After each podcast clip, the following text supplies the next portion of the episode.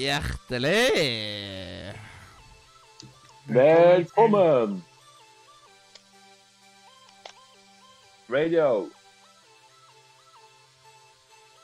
Nordre Media! Uhu. Og det er på tide med en uh, ny spesial i denne Det flotte serien. Som har Vi er samme her i kveld. Ja, Vi er vi er helt samlet Vi er sikkert litt overtente. Ja. Vi er sikkert litt overtente. Det er 3. desember. Vi spiller inn på 3. desember i dag. Andre, faktisk. 2. desember er det. Men vi spiller på i desember. Akkurat blitt adventstid. Nissen i bingen er i gang. Vi er supertente. Og eh, det er ikke bare noen uker siden vi tok opp denne serien her forrige gang. Det er jo faktisk eh, måneder siden, så i dag tror jeg vi er meget, meget tente. ja, det kan man eh, det kan man trygt si, for nå har det vært en stor pause i denne spesialserien. Det var en periode der det kun var dette her vi hadde sendinger av, følte jeg. Ja, det er sant, det. Men det er jo masse, masse ting som har skjedd. Og vi kan Ja, nesten det er det. eh, det er liksom Dette er det eh, Vi hadde ikke sending eh, mot slutten av november, og da var det en stund der vi ikke fikk informert om ting som var viktig å informere om. Så det får vi Ja. nesten ta og not informere om nå. Fordi vi har jo gående en julekalender i Åro. Så det har, vært, det, har vært mange år, det har vært mange år nå der vi har hatt julekalender gående. Og i år så er det jo uh, litt i forbindelse med med, eh, med bestemt, Jeg vet jeg husker ikke om vi bestemte oss for det før vi visste at Nissen i Miggen skulle være en ting i år, men liksom Det ble en sånn fin uh, greie med at uh, i forbindelse med Nissen i Bingen så tar jeg og Robin og går tilbake til nissene på låven og prater om en og en episode der og gir litt eh, Ja, nerde ut om episoden og forskjellig sånt. Eh, prøver å holde litt statistikk på forskjellige ting og ja, si våre meninger om ting. Samtidig som at vi har litt eh, julete anbefalinger og sånt. Kanon. Mm. Ja, men Det er jo en kjempeanbefaling. Så det er helt nydelig. Yes. Jeg har akkurat dytta i meg en siste biten av en sånn julenisse. sånn skum, skumnisse. Det er jo det er jul, så man må spise litt julegodteri. Det er viktig. Ja. Og neste uke så skal vi kose oss med julespesial. Det blir litt sånn årlig greie. Ja. Sånn julespesial. Ja, da er det fram med julebrusen og bare julekos. Så det blir eh, nice. Mhm. Så det blir spennende. Um, Jeg har satt og prøvd å liksom tenke litt på hva den skal, hva den skal på den sendinga. Ja. Eh, og så er det jo viktig å presisere at vi har blitt en veldig fin trio på denne, disse episodene her og denne serien her med Julens Rym. Nei, Julens. Nå går det- i går det surr her. vi prata om Julens Rym før, eh, før vi satte på record. Nei, men uh, vi har uh, blitt en fin trio på spill i år. Spillårspesialene. Der vi går gjennom fra, fra 2000, har nå kommet til året 2005. Men uh, problemet i høst er at det har vært vanskelig å samle alle tre. Så det er derfor det har vært så lenge siden forrige opptaksdag. Det er fordi noen uker kan ikke jeg, noen uker kan ikke Robin. Og da blir det da blir det plutselig, går det plutselig halvannen måned mellom hver, hver opptaksdag. Yes. Ja, men det skal sies at november var jævlig busy for meg. Jeg var jo Ja, ja. to ganger i Oslo og masse Ja, annet. Mm. Men vi må jo respektere at vi er litt busy på hver vår kanter. Er jo, vi bor jo på tre helt forskjellige steder her i landet, Ja. så det er ikke så rart om de Og jeg har vært, veld, jeg har vært veldig busy i november sjøl òg. Men samtidig så fikk vi tid i november til å spille inn en hel julekalender. Ja, fordi Mm. det skal sies om den julekalenderen. Eh, der liksom Espen Eckbody hadde liksom to måneder før det skulle på. Vi hadde to uker før det skulle på. Så vi spilte inn alt på én kveld. Og stemmen min dagen etter var jo helt ødelagt. Mm. Så vi gjorde det i skikkelig Nissen på laven-stil. Du, du hører Ja. liksom i episode 1 så har jeg sånn stemme som nå. Mens i episode 23 så har jeg sånn oppcracket stemme. Mm. Når jeg, hørte, hørt om dette, denne ideen fra Mathias for uh, drøyt år siden, så tenkte jeg ja, det er en kul idé, da kan jeg slenge meg med på et par episoder.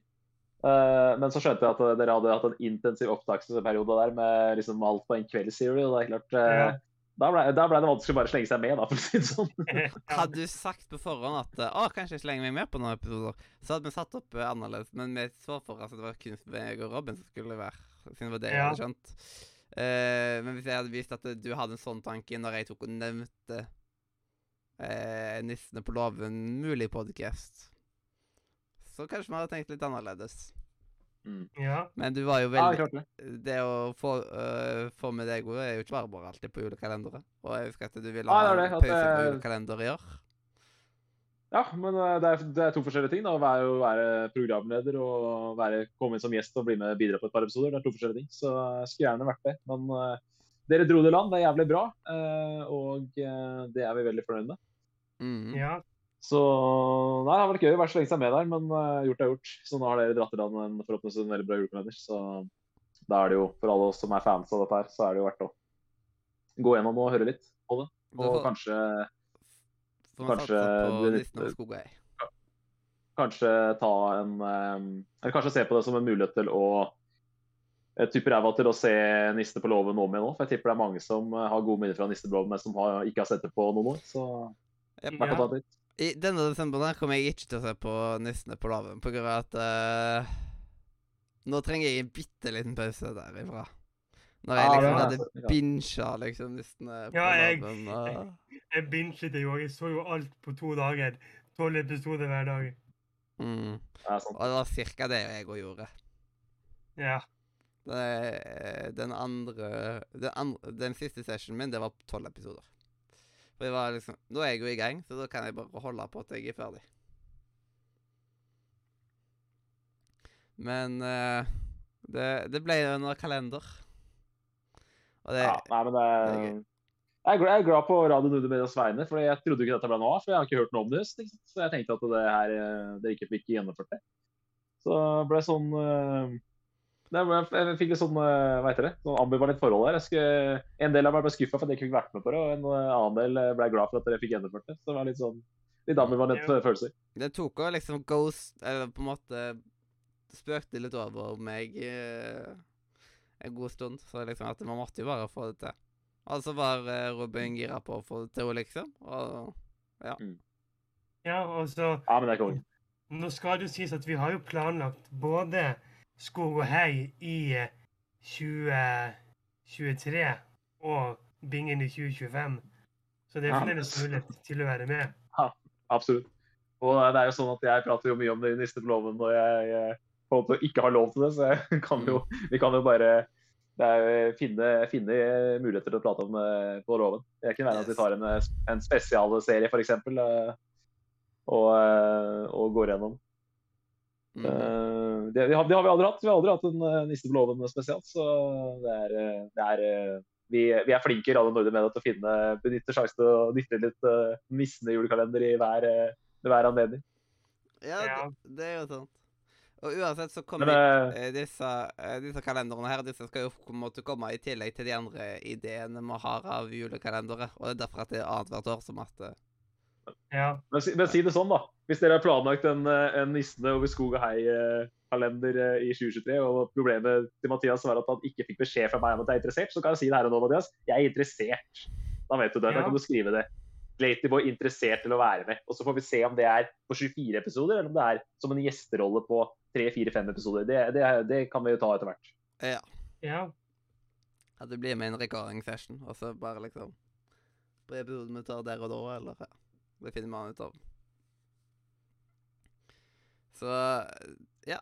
Det blir good, vet du. Det blir good. Men eh, nå er vi jo i spillåret 2005. Og jeg merker at eh, nå, nå er vi tilbake på et stadium der vi er litt ute av trening. Ja. Så nå må vi inn på um, spilltreningsstudioet i i WeFit og eh, Jævla viktig. ja, Ja, det- er- klart. for ting jeg merka veldig når vi hadde, tok opp spillet over 2004, var at det var mye ikoniske spill som kom ut rundt den tida her. Altså, det var en del, var en storsatsing at Sony var i gang der med liksom uh, Buzz. Det var liksom Buzz, det var Guitar Hero. Uh, Singstar kom vel i 2004. Og, og du, nevnte, ah, du nevnte et spill jeg hadde glemt, eh, Robin. Du, du nevnte Itog. Det hadde jeg helt glemt bort.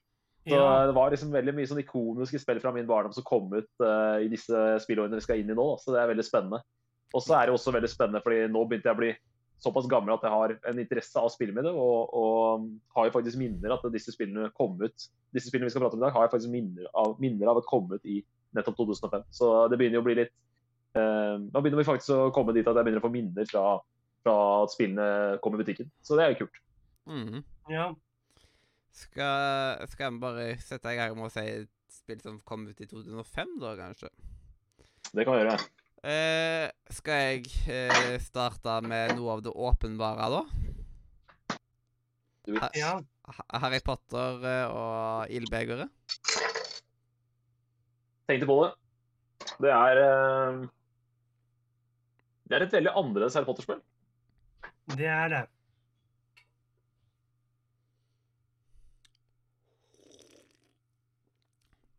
Det Nå er tar faktisk jeg det en slurk av et eh, ikke-sponsa energidrikk. Jeg gjorde Jeg, ja, det er, jeg drikker ikke energidrikk. Nå er det jul, så da er det julebrus på meg.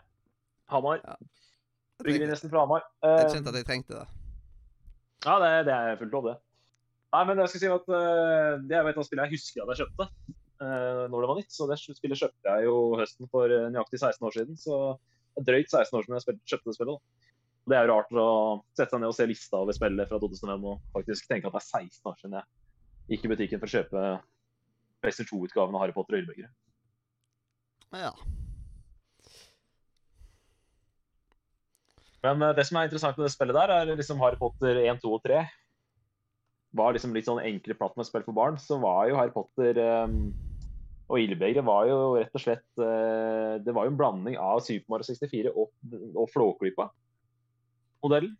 Der du må Altså, du, på hvert brett så kan du få gull, sølv bronse. Og uh, da får du på en måte tre, tre ting, da, hvis du tar gull, og så får du én ting hvis du klarer bronse. Og så var det også sånne skjulte ting. Uh, litt som Super Mario 64 har de der red coins. ikke sant? At du kan, må finne, Hvis du finner åtte red coins i en bane, så får du en stjerne.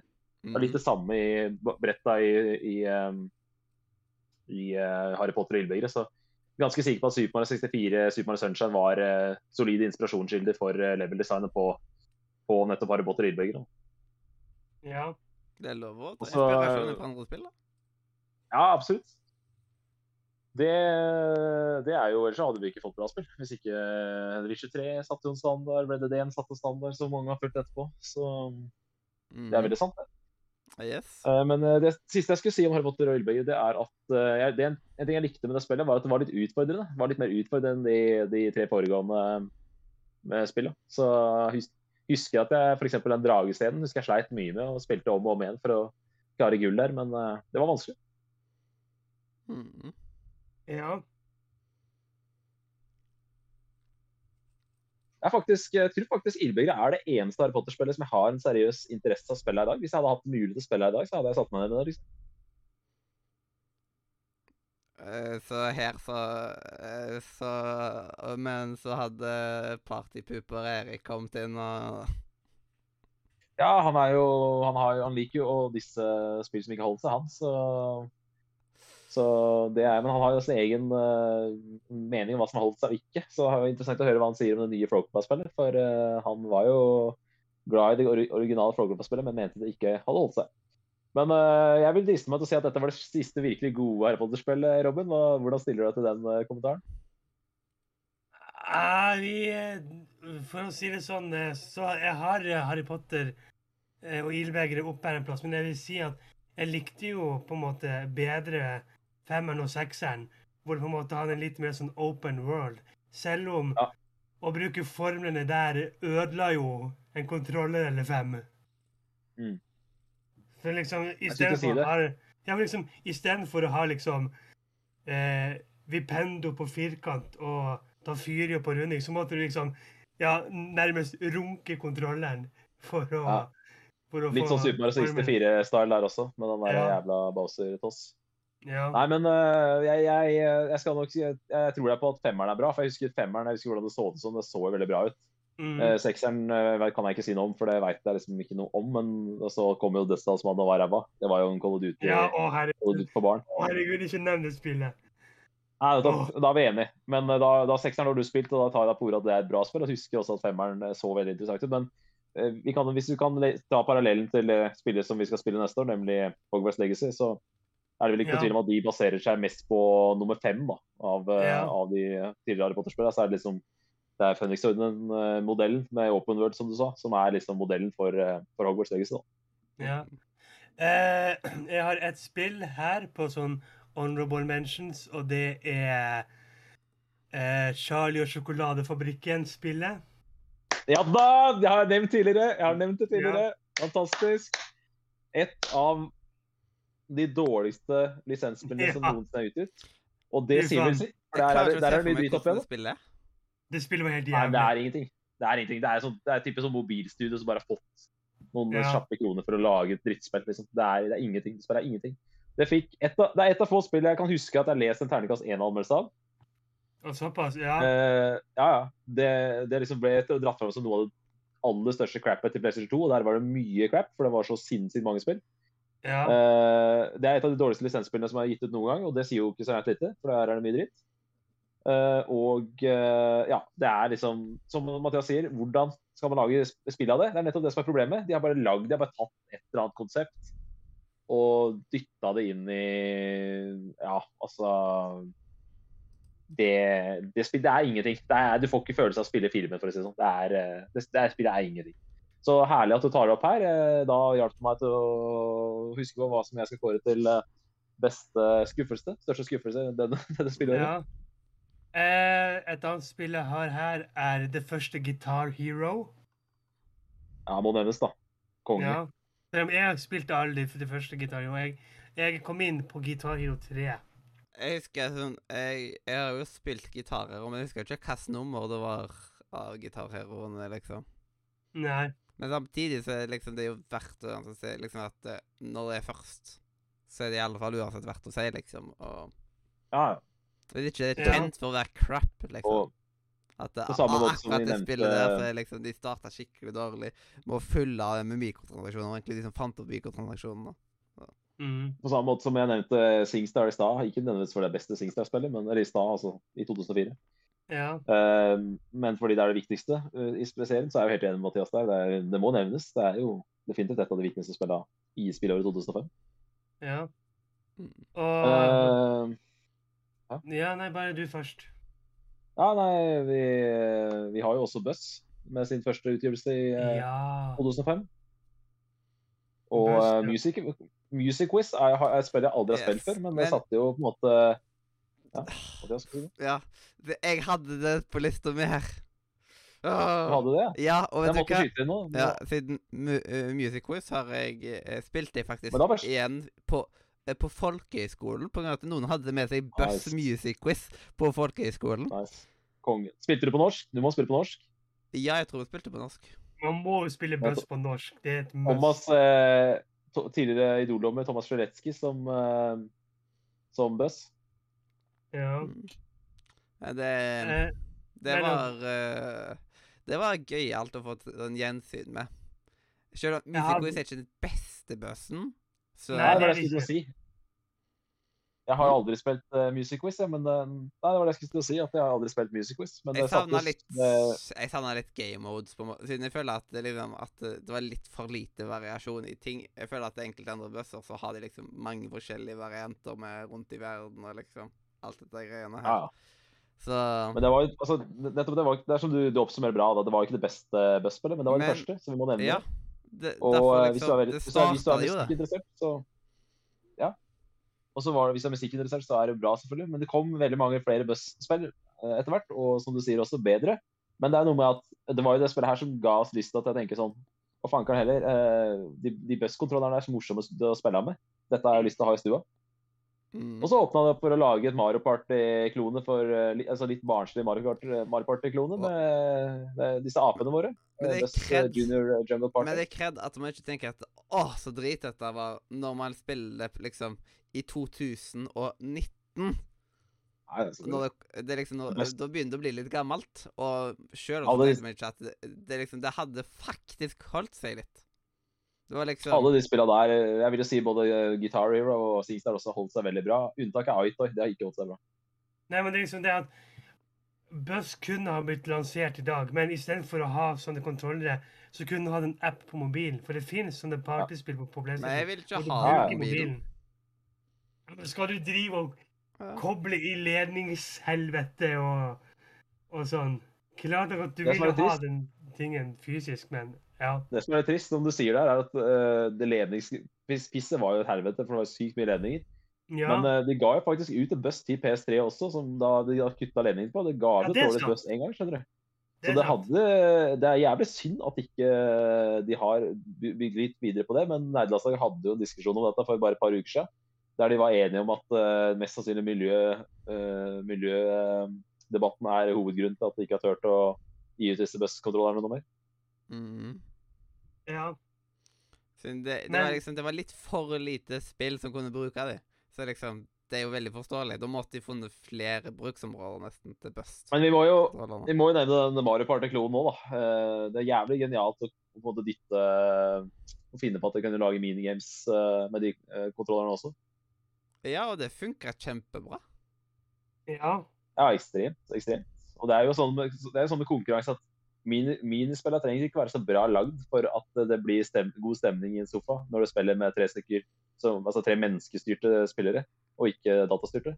Mm. Så når du på en måte er, det konkurranse, er det konkurranse. på en måte. Så det er det samme om det spillet heter Buss Junior eller om det heter Buss Adult. Det er jo konkurranse i sofaen. Er, Kunne de i tillegg gjort som at buss-kontrollerne liksom enkelte steder kunne vært for uh, accessibility options? At liksom at for enkelte så hadde det liksom vært letta Siden Om det for noen det hadde vært bedre å gjort det med liksom på grunn av at de eh, har diverse handikaps?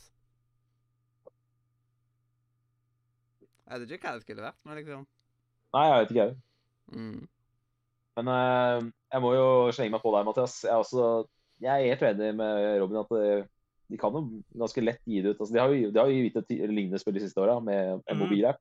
Men det er noe med den følelsen av å sitte der med fire knapper, én knapp per alternativ på svar, og den Ja, ja. svære ringeknappen på toppen. Det er noe egentlig med å trykke den der hammeren ned i den ringeknappen. ja. Det, det ga en helt Neste kontroll er fordi du slår. Ja, Ja, ja, ja, men hvis de gir ut en app, så kommer liksom eh, Så kommer det mer til å bli liksom eh, føye seg i rekken er sånn som eh, Jackbox og dette her, liksom. Nei, men du har har- jo sånn som Du har jo sånn sånn uh, That's you og Knowledge is power, som nettopp bruker app. Jeg har spilt eh, ja, i hvert fall spilt eh, That's You, for det var gratis den måneden. Ja, det dette Begge to har vært PlayStation Mm. Plus-spill. Men det, jeg føler at det kommer ikke til å bli det samme som Buss uansett. På grunn av at det blir mer som at vi tenker på Jackbox Partypack og liksom de greiene der. og At eh, de trenger jo ikke da å lage en app som for eksempel kun har liksom stor knapp, eh, og så liksom noen fargeknapper og that's it, liksom. Da hadde de jo liksom gjort det til noe veldig annet. Og hadde vært så mye Buss da, liksom. Jeg vet ikke. Men nå har jeg prøvd å si lenge nå, at man merker at 2005 var et filmårsspill. For liksom, i tillegg til Charlie, som jeg nevnte, Åh, da, jeg vil si en Ja. Eh, de, de, Nei, Lille kyllingspill. si. Ja, eh, Lille Kyllingspill. Jeg har jævla få spill her. Eh, Ja. derfor eh, Lille Kyllingspillet, det, det kom O i 2005. Og det husker jeg at jeg tok og spilte. Og det, så jeg husker ikke dritt av filmen. Men det er liksom jeg, jeg, jeg husker at jeg likte filmen, men jeg husker ikke en dritt av filmen selv om. I den dag i dag. Så jeg, vet- jeg vet ikke hvordan spi, eh, lille, ja, lille Kyllingspillet hadde vært i dag. Men Nei. det liksom Man kjenner på en måte litt nostalgi sjøl, liksom. At uh, Ja. Så jeg Ja, hater nei. ikke som liten. Som sagt, i tillegg til Charlie, så fikk vi også Fantastic Four-spillet, Madagaskar-spillet, Madagaskar. Wallace of Gromit, The Curse of the Were-Rabbit-spillet, Narnia 1-spillet og King Kong-spillet. Jeg tør påstå at King Kong er det beste av de spillene der. Mm. Ja, altså, Jeg har ikke spilt noen av dem, men jeg, når jeg leser, det var liksom så jævlig mange filmspill på ett år. King Kong husker jeg fikk King Kong fikk liksom sånn, det var sånn terningkast 4 pluss, og det var veldig få lisensspill på den tida her som fikk terningkast 4 pluss. Eh, Mhm. men det er liksom det liksom var eh, Terningkast fire faktisk et pluss. bra spill. Ja, eh, men altså, det spilte som grense opp mot femmer, da. Mm. Eh, At det fikk godkjent mer, det fikk godkjent med mer, og det var veldig få lisensspill på den tida som fikk statusen godkjent med mer. Så, Ja. um, så bare sånn, det var faktisk ikke bare et bra lisensspill, men et bra spill. Jeg tror ikke det er så veldig spillbart i dag, men i 2005 så var det sett på som et bra spill. Og mitt siste spill på sånn her honorable mentions, det er et spill jeg koste meg ekstremt mye med. Og det er The Incredible Hulk ultimate destruction. Ja, du var en av, du var en av de som hamra rundt med huliken. Ja, jeg gikk rundt, hamret ned bygninger, tok damer i hånd, hoppet opp i luften og deiset dem ned i bakken. Og holdt på å le meg i hjel. Fordi at det var mulig. Ja, jeg ser det. Ser Jeg var, jeg, jeg var et, et sykt lite barn som fant en morbid glede av å hamre damer ned i bakken. Ja. Det er jo Det er noen av dere. Det er noen av dere. Ja, det er noen av oss her. Ikke sant? Mathias har kjenner seg igjen i det der. Hmm? Du kjenner deg igjen i det som har fortalt det der. Ja, ja, Seff. Mathias er jo ekspert på å hamre damer ned i bakken. Det gjør ikke annet. Ja. Mm. Eh, jeg har ett spill til jeg vil eh, nevne. Yes. Jepp. Og det er et spill på DS. Mario Kart DS. Ja. Og det er gode spill. Det er eh, Det er eh, for meg et av de aller beste Mario Kart-spillene, og også et av de viktigste spillene i 2005. Mhm. Har du Det var flere knallbra. Altså. Yes. Har du flere spill, uh, Simon? Om jeg har mer? Det er jo det 2005, da. Det er jo et magisk spill her. Det var jo fantastisk. Vi fikk Mario Strikers til GameCube.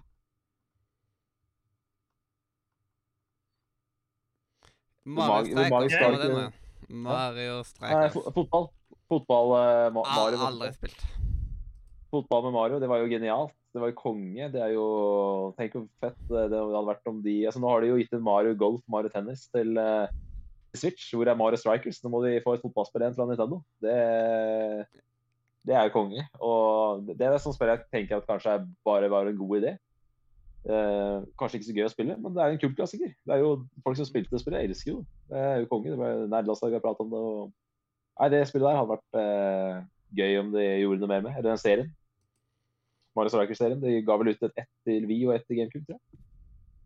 Så må vi nevne Resident Evil 4. Det er jo en, eh, ja, et av verdens mest kjente spill, liksom. Ja. Så har vi den derre Mario and Luigi-serien. Det er vel nå et uh, nedlagt studio som lagde de spillene, så det blir vel ikke flere spill i den serien. Men eh, hvis du liker eh, rollespill og på en måte har lyst til å dykke litt ned i Mario-universet og spille litt andre typer Mario-spill, så er Mario Novici veldig, veldig gode spill og veldig anbefalte spill. Um, gøy med noe litt annet fra det universet, rett og slett. Og samtlige Mario og Luigi-spill er gode. RPGs, rett og slett. Um, I fjor, eller i 2004, så var vi innom iToy. Oppfølgeren kom allerede et år etter, i form av iToy Play 2. Og um, ja, Dere har vel spilt iToy begge to, har dere ikke det? Jo. Hva skal vi si om iToy, iToy Play 2, eh, Robin? Var det Jeg vil si det Jeg vet ikke, jeg. Altså, Play 2 var jo 2004. iToy Play 3 kom jo ut i 2005. Og Ja, okay, det så det, det, er, det, er, en, eh, det er en miss med hva som kommer til USA og sånn, da. Det er det jeg bomma på. Ja, det kan hende, for jeg mener at jeg leste Autoplay 3 kom 2005 i Europa.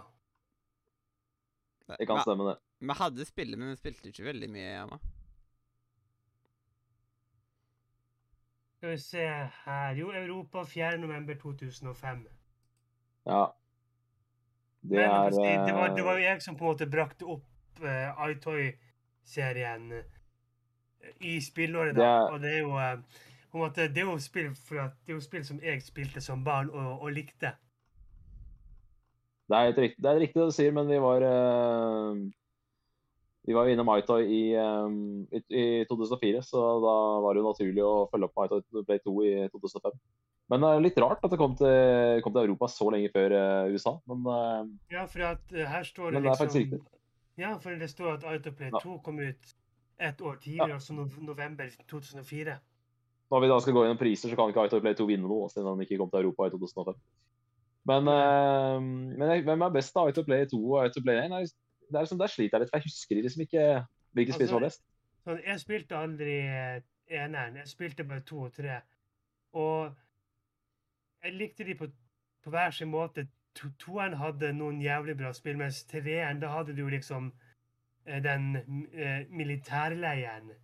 Hvor du skulle liksom gjennom sånn her Ja. Eh, sånn ja. Ja. hinderløpe. Ja, noe, det er godt noe hinderløype. Ja, ja. Det er sånn Dag Otto. Sånn eh, Yes. Ja. ja. Om man hadde ikke kunnet melde seg på Kompani Lauritzen, så måtte man Ja. spille Out of Play 3. Fantastisk. SSX også en veldig stor spillserie. Eh, I 2005 så kom da dette spillet der du kunne ha på deg ski. Så det var jo mange skibomser som syntes det var helt fantastisk. Jeg husker det var en greie på ungdomsskolen. At eh, SSX, Tour, SSX On Tour var en, eh, en eh, must buy, siden endelig så kunne skigjengen eh, kjøpe et snowboardspill der man kunne spille som eh, skifolk. Så det var en svær greie. Men jeg hadde vært så veldig inne i SSX-serien sjøl, men uh, det skulle være veldig populært. Det solgte mye, tror jeg. Og så fikk jo Slide 3 Helt utrolig at de klarte å gi ut oppfølgeren allerede et år etter Slide 2, men uh, Slide 3 brukte de bare ett år på å lage. Det er jo helt sinnssykt hvordan det, det er mulig. Kan jeg nesten ikke skjønne. Eh, nå er det jo snart ti år siden vi fikk et Slide-spill, så det er jo vilt å tenke på at det var ett år mellom Star 2 og Star 3. Hva sk- hva- eh, Det var vel på den der eh, Sidequest Så prata de liksom Så prata jo Hedo og Hva Mattis Folkestad dette? Og dette her med Ja. oppfølger og sånt, at det liksom at det oftere tar kortere tid å lage pga. at du har jo mye av det grunnleggende på plass. Det er riktig. Det er helt riktig. Men uh, Og så er Sly 2 litt større. Det er litt, de, det er litt større spill, men det var, kom, poenget er at det er imponerende at det, de brukte ett år på å få det ut. De måtte nok rushe litt for å, få, for å få det til. Men hvor blir det av Sly 5, da? Det er jo en død serie. Det er litt trist.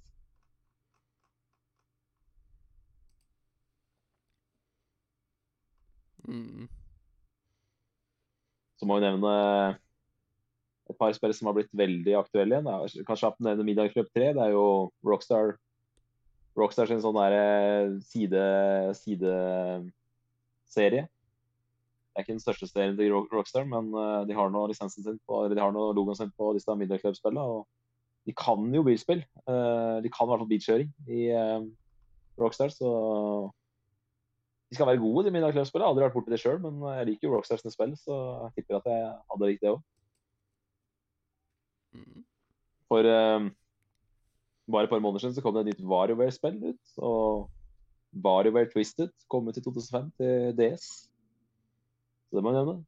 Mm. Uh, Mathias, du har jo spilt uh, Detroit Become Human Yes. er ikke så lenge siden. Og mitt første møte med David Cage, det var Fahrenheit. Eller Indigo Prophecy, som var den europeiske tittelen. Det Kom ut i 2005. Eh, altså Måten du ler på så tidlig? Ja, det er bra du sa det var bra spørsmål. for Jeg, jeg, jeg hadde ikke glemt å si det hvis du ikke hadde stilt spørsmålet. Nei, altså David Cage spill er ikke de som holder seg best. Så ærlig skal vi være. Harden Night var et utrolig kult spill for sin tid, men det er ikke verdt å sette seg ned med det i dag. Det har ikke holdt seg. Og Heavy har vel strengt tatt heller ikke holdt seg, som eh, kun er 10 år gammelt. Fahrenheit er jo 15. Eller 16. Eh, men jeg vil si at verken Fahrenheit eller eh, eller Heavy har holdt seg. Så får vi se da om ti år om Detroit har holdt seg. Det blir spennende å se. Men jeg, spil, jeg spilte dette spillet her sånn i forkant av Heavy. Tipper at det var rundt 2007-2008 jeg spilte det. Og da hadde jeg en kongeopplevelse med det. Så dødskult back in the day. Mm. Og veldig mange En liten sånn kultklassiker òg. Jeg tror veldig mange som var glad i storyer i dataspill, eh, trykka det til sitt bryst. Men eh, ja. Det er jo det er mer av det samme, Mathias. Du vet hvordan det er disse quicktime events. Det er nok av quicktime events i, eh, i Fahrenheit, Fahrenheit også. Uh, Ehm, skal vi uh, Er noen du føler at det bør bli tatt opp nå, eller er liksom, kan vi begynne å gå videre til nominasjonene? Nei, nei, vi har et par til her. Vi har et par til. Um, vi har uh, det som er spennende med 2005, vet det var jo et uh, veldig sånn svært satsingsområde på håndholdt. For det var jo uh, da Sony satsa knallhardt på, på håndholdt. Nintendo slapp ut DS-en, og Sony kontra med PSP-en. Og det gjorde at det kom ut veldig mye spennende håndholdsspill på den tida. Altså, det er liksom Rocco Rocco var rundt den tida her. Eh, og vi fikk også det første GTA-spillet på håndholdt. I form av eh, det litt glemte GTA Liberty City Stories.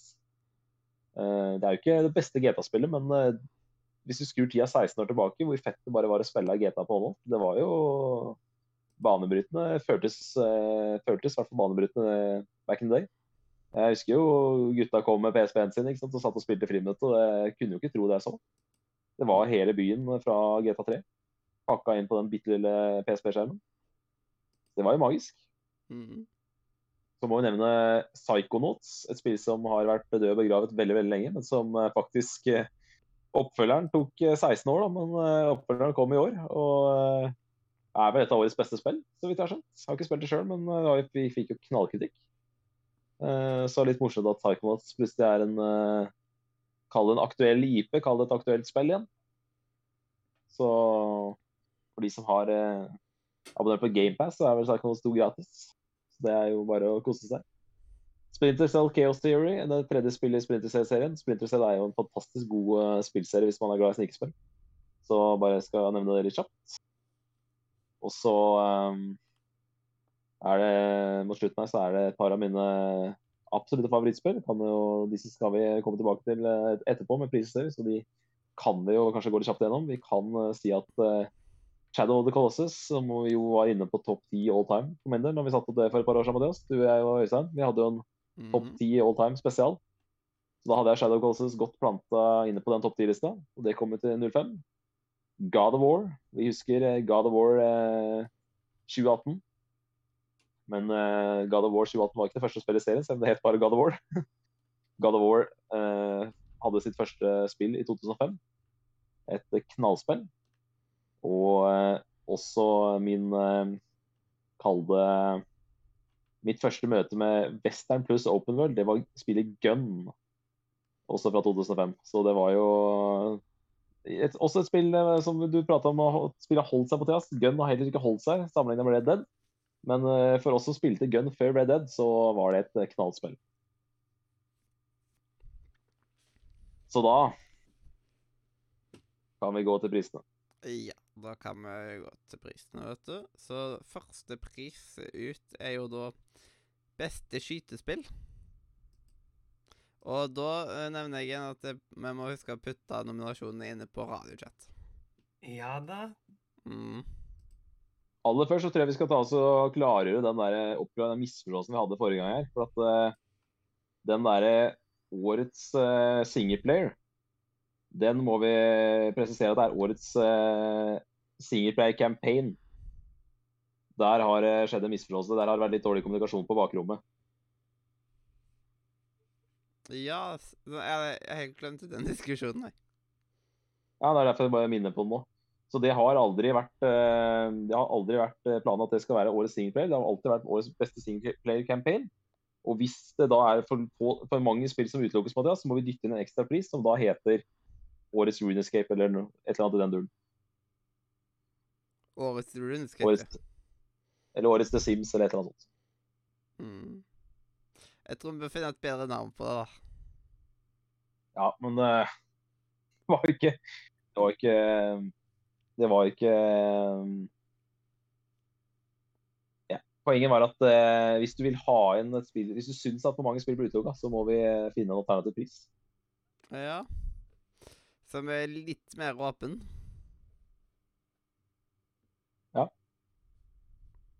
Eller ikke så åpen, da. Bare som, den, som, den kan godt ekskludere alle de spillene som, som, eh, er, som har mulighet til å vinne beste singleplayer. Det kan godt være litt lukka pris. Det er greit, det. Ja. Årets avhengighet.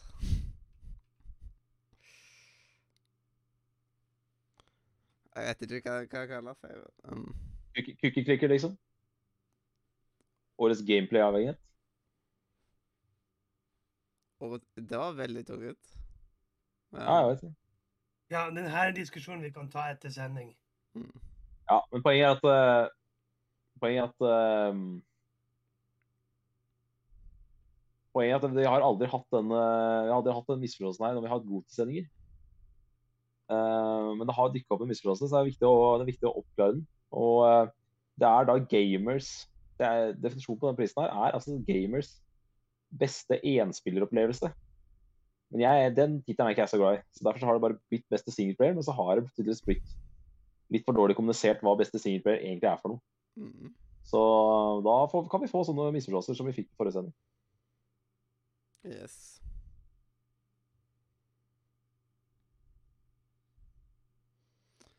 Em, men beste skytespill Så er det bare til å komme med nominasjonen deres. Og jeg kan bare si med en gang at jeg har ikke noe på den. Det er liksom, Jeg spilte ikke så veldig masse skytespill da jeg var 20 år gammel. da. Eller seks år gammel var jeg til og med. Det er 2005. Ja, men også sitter jeg og leser melding fra, fra Robin her. Passer veldig dårlig akkurat nå, du. Men mens han leser, så kan jeg ta mitt at det er ikke et spill jeg har spilt selv. Det er, Men det, er vanskelig å, det er vanskelig å glemme det. Det er vanskelig å glemme denne meldingen fra Robin. Det er uh, Den er eh, det, det det er mye. Den, den, gjør, den gjør mye med meg. Den, uh, ja. Men den det eh, dagens episode på Bingen var eh, Det var dramatisk. Ja, det er vanskelig å nullstille seg når man har sett det. Det er vanskelig Ja. å glemme det. Vanskelig å komme seg vekk fra det. Eh, mitt beste skytespill er spill jeg har sett gameplay av. Eh, og det er da Resident Evil 4.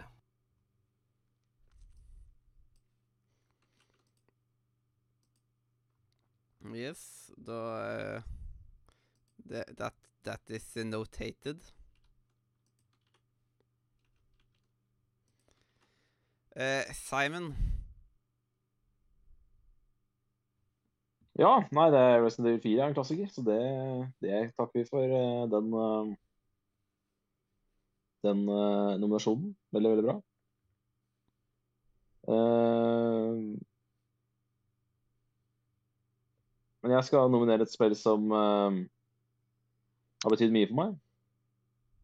Og eh, jeg faktisk uh, runda det mer enn én gang. Det er ikke veldig mange spill jeg har runda mer enn én gang. Det spillet jeg har gjort forma meg og utvikla meg og gjort at jeg er blitt en eh, Ja, dag. Basically, spillet har helt fantastisk musikk. Eh, men det er ikke det som vi skal kåre nå. Vi skal kåre beste skytespill. Og det er bare så deilig å fly rundt med en revolver og knerte Skyte Skyte folk i huet i det spillet her. Så min eh, og, og lemmene bare flyr av. Det er, er også deilig med spillet. at Lemmene bare flyr av. Et av de første, et av de første spillene jeg husker. at det bare koste deg med å skyte av lemmer på folk. Så eh, min nominasjon til eh, beste skytespill, det er Gun. Gun der, altså. Og min er jo selvsagt da blank. Så det er 50-50. yes. Er det western eh, open world-spillet? Det semiåpne westernspillet Gun som skal vinne dette her? Eller er det skrekkeklassikeren Resident Evil 4? Ja, alt står og faller på uh, Mathadias. Ja, Hvis ingen av dere har lyst til å gi dere den ene eller andre veien? Nei, jeg har ikke lyst til å jeg, Altså, hadde jeg spilt skrekkspill, så hadde jeg spilt Resident Evil 4, men jeg liker å se på skrekkspill. Så jeg digget å se Eh, Svendsen spill Resident Evil 4. Er Gun det westernaktige spillet? Ja. Da ser jeg på det riktig Nei, ja, man, Nei, men vi, jeg kan, det jeg kan si, da. Jeg, jeg tror den riktige prisen her er Gun. Jeg tror skytegameplay er bedre i Gun enn en Resident Evil 4. Jeg tenker ikke på Resident Evil 4 som et skytespill. Og med tanke på at jeg er superfan av Gun, mens Robin ikke er superfan av Resident Evil 4, så føler jeg at den, det er fair å gi den prisen her til Gun. Ja, det, det føler jeg òg, samtidig som at uh, Ja. Folk får ikke meg til å minne med Resident Evil 4 uansett. Og så er det, og så er det en annen ting også, det er at det kan hende at eh, skytegameplay i Resident Evil 4 har blitt fiksa i ettertid. Men det er fordi at den har hatt så mange utgivelser. Den aller første utgivelsen var i 2005, og da mener jeg at kontrollerne på det spillet var ganske broken. Såkalte tank controllers. Um, Jeg tror ikke vi har noen uh, Resident Evil-eksperter med oss akkurat nå Nei, i dag. Nei, akkurat det. akkurat det. Men så, og det og så lenge vi ikke har det, så, så tror jeg vi bare gir den her til Gunn. Ja, jeg er enig. Og jeg tror Og ikke den største tapet si sånn- for eh, Robin heller. Robin. Nei, det var det jeg, det var det jeg lukta. Jeg lukta litt lunta der. Eh, og så Gun er altså Skytegameplay i Gun er liksom hovedgreia i Gun. Og igjen, det var det jeg sa på når vi tok 2004 også. GTA San Andreas, fantastisk spill. Men skytegameplay i spillet eh, er ikke det beste med San Andreas. Og når vi skal kåre beste skytespill, så bør vi fokusere på skytegameplay. Ja, ja, men det er greit. Vi kan den en gun. Jeg skal ikke lage noe krig her. Ah, det er deilig. Nei, nei, det, det hadde jeg ikke Men trodd den, heller. den neste, der skal jeg lage krig. Ja, ja, men uh, nå har jeg fått, uh, nå har jeg fått Ja. et, av mine, et, mine, nå er et av mine favorittspill vi stikker av med en pris, og nå er jeg Ja. ganske fornøyd. Nå kan jeg være at jeg er litt overtale resten av kvelden. Skal vi bare ta plattformer med en gang, da?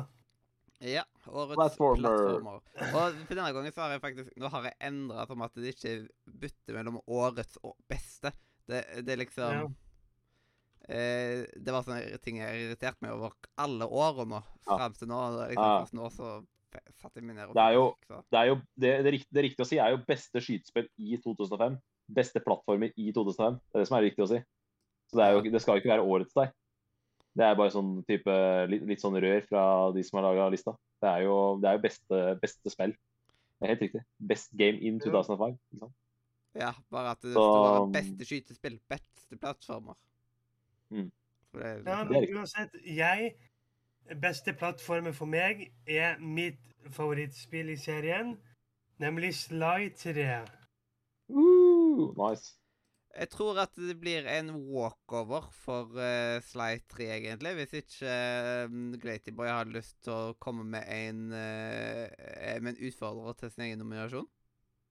Nei, det som er greia er at uh, Sly 1 og Sly 2 hadde jo knallhard konkurranse fra eh, både Nå husker jeg ikke om Super Mario, Super Mario eh, Sunshine var i potten her, men i hvert fall uh, Jack and Daxter fra nå til i dag og Ratchet Clank.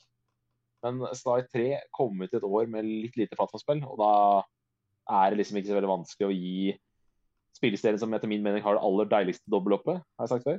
Sly er den spillkarakteren i verden med det deiligste dobbelthoppet. Ja. Det er ingen karakterer som jeg syns er deiligere å se ta, baklengs, ta, ta salto enn Sly. Eh, Det føles så riktig, det dobbelthoppet hans. Og eh, i et år med litt lite plattformspill, så er det ikke noe tvil om at eh, når eh, på en måte Jeg er ikke noe tvil om hva jeg mener, men i tillegg jeg får støtte fra en annen plattformfan eh, som heter Robin, så sier det seg selv at eh, en Radio Nordre Media-favoritt i form av både serien og spillet, Sly 3, eh, Among Thieves, stikker av med prisen for beste plattformspill i 2005. Yes. Ja. Og da er neste kategori eh, årets eksklusive. Meget vanskelig. Den her er van- den her er vanskelig i år. eksklusive. Den her er vanskelig i år. Den her er vanskelig i år. Det er ikke alltid like lett. Jeg kan eh, bare skyte ut min, for liksom jeg slet med hva jeg skulle ta. Og så fant jeg ut at det første spillet var et eksklusivt spill. Så da er det det første Guitar Hero. Ja, det er jævlig vanskelig. Fordi du har, eh, du har Det året her så har du liksom iToy eksklusivt. Gitarer, som du nevner. Buzz Music Quiz er eksklusivt. Mario Kart DS, kanskje det, et av årets viktigste spill, er jo en eksklusiv. Jeg nevnte i stad GTA Liberty City Stories. Bare der har jeg nevnt fem honorable mentions. Eh, Shadow Colossus, topp ti all time for meg, også eksklusivt spill. Men eh, jeg må nesten gå for eh, Etter jævlig mye om og men, så har jeg valgt å nominere God of War i denne kategorien her. Men uh, veldig, veldig jeg vil, jeg vil påstå at dette er den vanskeligste eller beste konkurransen i denne kategorien til nå. Av de åra vi har vært igjennom, 2000-2004, så vil jeg si at 2005 er det klart vanskeligste Eller klart, det året med klart flest gode eksklusive. Yes. Um, min, uh, min nominasjon Det er liksom Det er så Det er liksom Det er hva jeg skal ta, men uh, får vel nesten bli Mario Kart DS. Mm. Det er liksom Det Ja. Men da, nå har jeg sittet med her med tre nominerte spill Og da sier vi som de gjør i Nytt på Nytt, hvem, hvem skal ut? Guitar Hero. Ja, så jeg kan være med på at God of War vinner, da.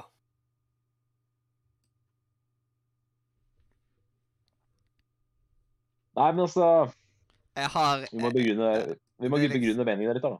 Ja. Vi må begrunne litt eh, meningen. Jeg syns uh, Hvis jeg må velge mellom de tre spillene, så er det Guitar Hero ut for meg. Eh, For meg er Mario Kart et spill Jeg er en spillserie er mer glad i enn Guitar Hero. Det er et spill som jeg mener var viktigere for spillåret 2005 enn det Guitar Hero 1 var. Selv om Guitar også, selvfølgelig også var veldig viktig. Eh, men gitarer er først og fremst et fenomen. Og jeg vet ikke hvor bra det første, første Guitar var. Eh, men det er, så, det er vanskelig, de- det, det også var sykt viktig for spillmediet. Og samtidig syns jeg God of War er det beste spillet av de tre. Og det er et singleplayerspill, ikke sant? og det er det jeg er interessert i å spille. altså Det er jo det som er mitt hjerte bank, virkelig banker for. Eh, Eh, det er en grunn til at jeg er nominert. Jeg tror Det er en grunn til at jeg er nominert. Jeg vil fullføre her nå. Ja. Det er en grunn til at jeg er nominert også. Eh, eh, og som jeg sa i stad, jeg nevnte fem-seks uh, honorable mentions her, men jeg måtte ta et valg, og da ble min nominasjon God of War. Og det er fordi at jeg mener at det fortjener prisen dette, dette året her. Så jeg er egentlig litt enig med Simen, fordi uten liksom det første God of War, så hadde vi ikke liksom fått liksom både det God of War 2018, eller når det var, og nå det neste som kommer ut i 2022. Så det har Men vært et jeg tror God of War kommer til å komme opp i flere ganger her. Jeg føler eh, Så Ja, jeg, det føler jeg ikke jeg er sikker på. Det er, eh, det er jævlig kamp på plassene i 2005 her. Eh,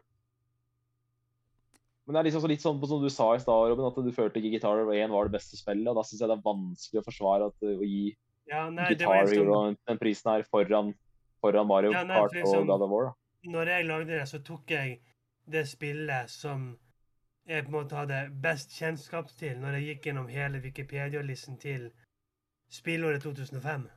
mm. Ja, jeg skjønner. Det ble, var jo ikke eks altså, det var jo ikke lenge eksklusivt, vel, siden jeg vet at man kunne både spille det på både Wii og PlayStation etter hvert. Så liksom at Det- det Det første var eksklusivt. Det var først i toeren og treeren og eh, liksom Van Halen var det det var? og Metallica. Hva var det det var, hva var det det var eksklusivt på? Var det PS2? Det var PS2, mener jeg. Ja. Eh, Det var eksklusivt på PlayStation 2, ja. Altså, jeg, jeg holder ennå på en knapp på Mario Kart DS. Og litt fordi at jeg tror ikke det gjør vondt å sette seg ned med det i dag, liksom. Hvis man da hadde hatt en DS. Ah, nei. det er kongespill. Det er det det beste Mario. Kart Det, jeg- det ja. sa jeg i stad.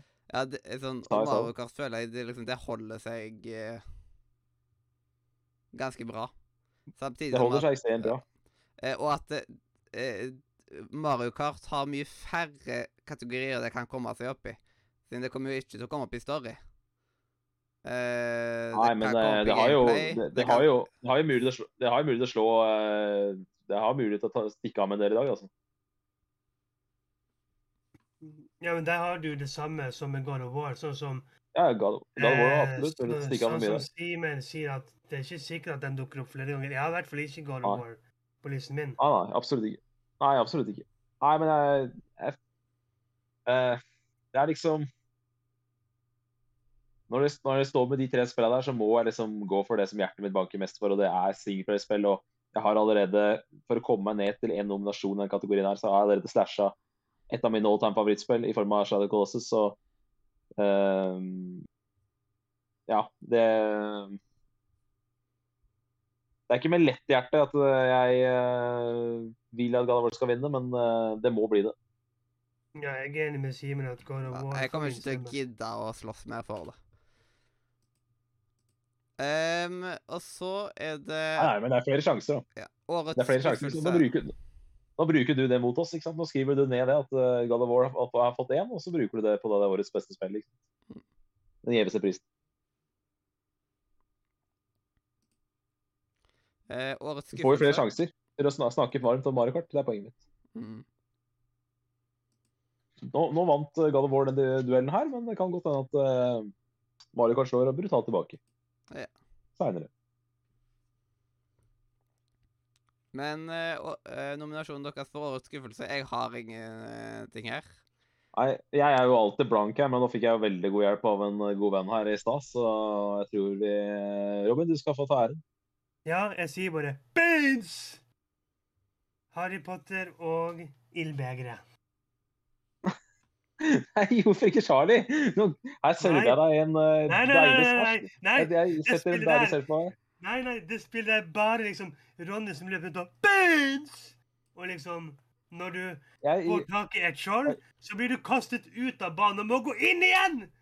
ja, det gjør du på Super 64 òg, som er tidenes beste spill. Så det er jo elendig. Nei, eh, jeg, jeg elendig. hater Harry Har- Potter og ildbegerspill. Jeg har virkelig Goblet of Fire er et kongespill. Det holdt, det holdt seg som faen.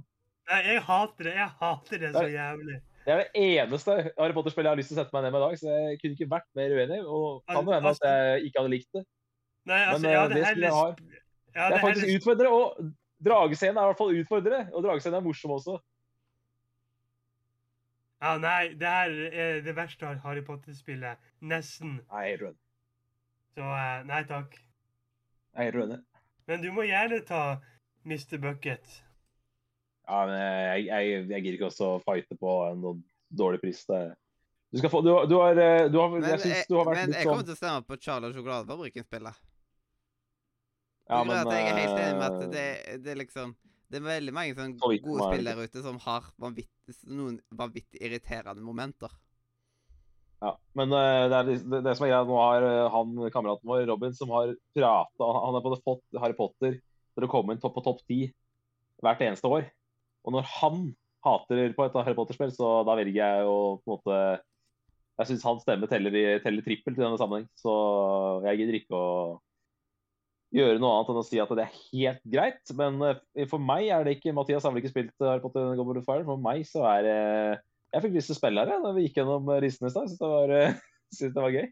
Men, eh, og jeg har ikke runda det heller, så det, jeg føler at jeg har noe uavgjort med det spillet. Men eh, jeg sitter nok rolig i båten og venter på at uh, Hogwarts Legacy skal komme neste år, tenker jeg. Mm. Eh, neste kategori er årets story. Og så er jo ikke liksom, hvor, hvor skuffende var Charlie Sjokoladefabrikken? Liksom, Jeg så en terningkast 1-anmeldelse på det, og så gikk jeg videre i mitt liv, liksom. Hvis du faktisk Hvis du, på, på, hvis du eh, gikk fra å liksom elske de tre foregående Harry Potter-spillene og hate Goblet Fire, så, så syns jeg Ja, men, det ja, det, er, det er akkurat samme som eh, Deathly Hallows. Jeg gikk og ventet på Fy faen, Deathly Hallows. Det kommer til å bli et skikkelig pornospill å spille. Og så kommer de og bare har tatt Call of Duty-klistremerket og sleppet over. Det er liksom det samme liksom Harry Potter 1, 2 og 3. Spillene elsket det. Jeg tenkte yes, nå kommer fireren. Og så satte jeg meg ned og bare Hva faen er det her for noe? Jeg likte, jeg likte oppdragsstrukturen. Jeg likte at du måtte spille deg inn i en bane. Jeg likte at du faktisk måtte, det krevde litt av deg for at du skulle komme videre Spiller. Jeg likte at du ble utfordra. Og jeg syns det var deilig med Potter-spill, så var det noe litt annet òg. Så um, det virker som du Dette fordi du forventa at det skulle være et nytt plattformeventyr, så likte du det ikke, mens jeg likte det av de tingene som du ikke likte. det. Men mm. eh, det er jo rart hva Det er lov å ha forskjellige meninger, så det er helt greit, det. Ja. Men uh, jeg har ikke spilt jeg har ikke spilt det de siste 15 åra, så jeg veit ikke om jeg hadde kost meg med det i dag. Men, uh, men uh, jeg syns i hvert fall det er et Jeg anerkjenner det som et bra spill. Ja. Men ja, årets story, hva har dere der? Ja, det er fristende å gå for David Cage, selvfølgelig. da. Han er jo en artig skrue, han.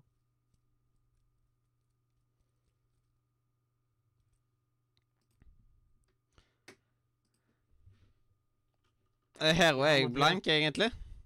Ja, jeg har, har også ingenting der. Det er liksom storybaserte spill begynte ikke jeg å spille før en god del senere. Nei, det skjønner jeg litt, for du er født i 99. Ja. Jeg er uh, atskillig eldre enn deg, og dette her var kanskje det første spillet som jeg tenkte over at faen, nå bryr jeg meg skikkelig om karakterene, og jeg har lyst til at dette skal ende godt og sånn. Uh, og det var jo da dette spillet som jeg har nevnt tidligere i dag, at det er et av mine favorittspill. Kom ut i 2005, og det heter Gun. Uh, det var en utrolig kul eh, komprimert story. Det var ikke sånn svær story sånn som i Red Dead, liksom. Det var en story på mellom syv og ti timer, og, og eh, skikkelig kule karakterer og akkurat passe skurke til skurk. Og nei, det var en, det var en herlig, fin eh, story på ja, i underkant av ti timer. tenker jeg. Sånn typisk sånn Call of Duty-campaign. Mhm. Så det spillet der koste jeg meg veldig med. Og noen helt fantastiske cutscenes også som var sånn veldig 18 pluss-materiale, for å si det sånn. Eh, så for en 13-åring så var det jo midt i blinken. Yes. Så da vinner den på en walkover, rett og slett? Den gjør det. Mm. Og det er jo helt greit. Når Harry Potter og The Goblet Fire kan vinne årets skuffelse på walkover, synes jeg det er helt uh, fair. At Gunn stikker av med dagens, eh, eller sin andre pris på dagen. Eh, og da er det videre til årets gameplay. Ja, der har jeg Jeg skal bare skrive det opp først. Ehm, Eh, Da kan jeg si min, som er da Mario Kart DS.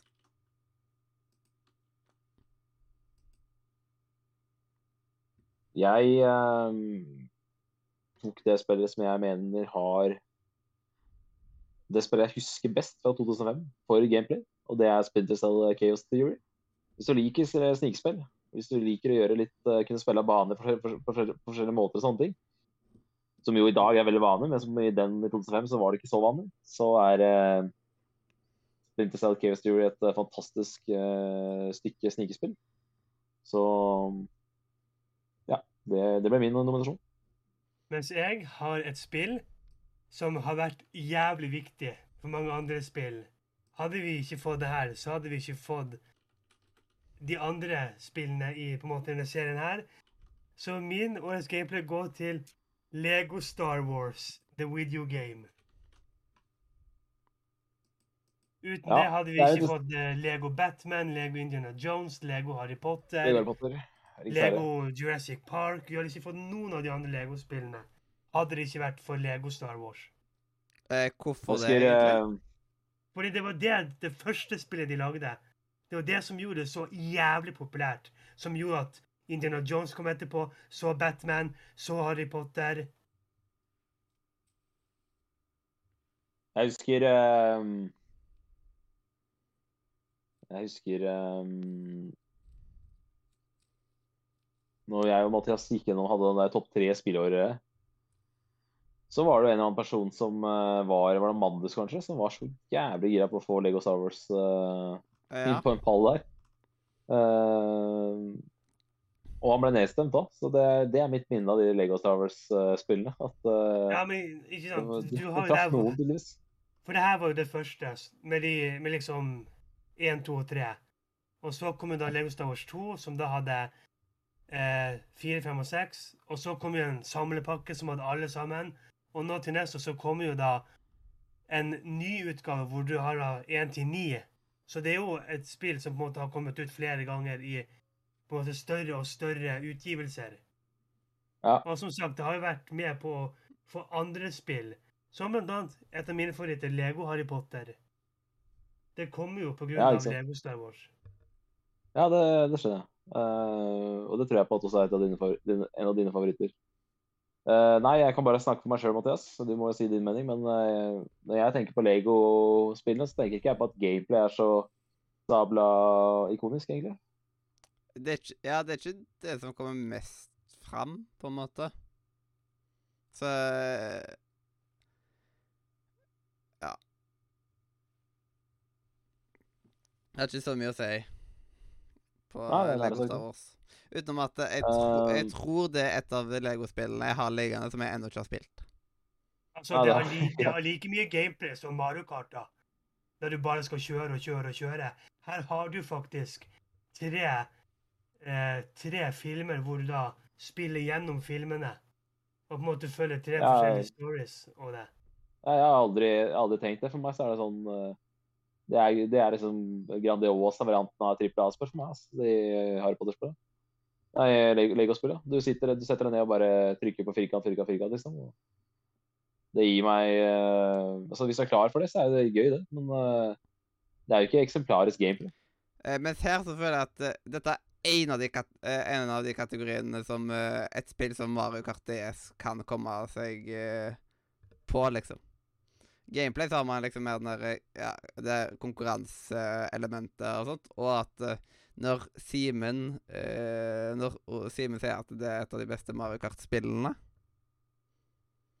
XCOM XCOM, eh, XCOM for meg, det er, det er pure gameplay. Det er et eh, spill, en spill og en spillserie med pure gameplay. Mm. Eh, jeg sitter ikke og tenker at det her er så sabla bra gameplay når jeg sitter og hamrer firkantknappen når jeg spiller Lego-spill. Det kan at Lego Star Wars hadde et sinnssykt bra gameplay, men eh, da har de Da, har de, da, da ødela de edge gameplayen på Indiana Jones av at Indiana Jones i alle fall på PC funker ikke. Det er så utrolig bugga. Ja, men det er jo eh, for at hvis du, hvis du spiller det i dag på Windows 10, så funker det ikke fordi det er beregnet på Windows XP-maskiner.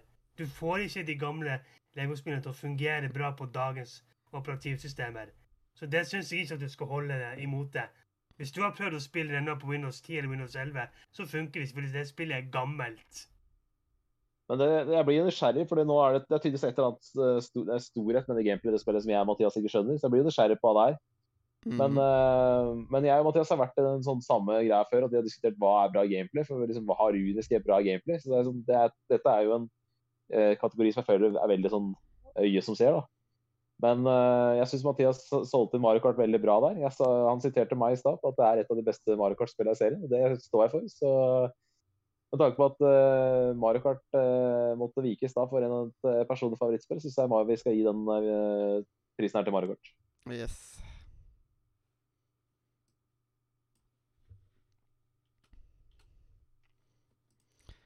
Neste er årets multiplayer. Og da kan jeg komme med min eh, nominasjon først, som at dere får tid til å skrive. Mario Kart. Hm? Mario Kart. Mario Kart. OK. Eh, min nominasjon er Buzz Music Quiz. Ja, jeg har Outro 3. Ja, her tenkte jeg at dette var en sånn kategori jeg trodde Mario Kart kom til å vinne på walkover. Men jeg skjønner den etter å ha hørt deres nominasjon at det ikke kommer til å gjøre det. Så nå er jeg glad for at den fant årets gameplay. for nå tror Jeg ikke den Ja, jeg visste at den kommer ikke til å vinne årets multiplayer. Det var jeg ganske sikker på. Ja, du, du gjorde vel det. Men uh, jeg tenkte ikke så langt som deg. Så, men jeg er glad for at den vant i stad, så da har den allerede fått en pris. Så om den ikke vinner år- årets multiplayer, så er det ikke så farlig. For eh, Mario Kart jeg sier det igjen, jeg mener det er et av de viktigste spillene i 2005. Uh, så eh, så eh, jeg hadde jo håpa den skulle vinne her i dag, men, eller vinne den her, men eh, nå er det ikke så farlig for meg. siden det. Eh, men da, jeg står for det. At eh, det beste multiplayer-spillet i eh, 2005 er Mario Kart Yes.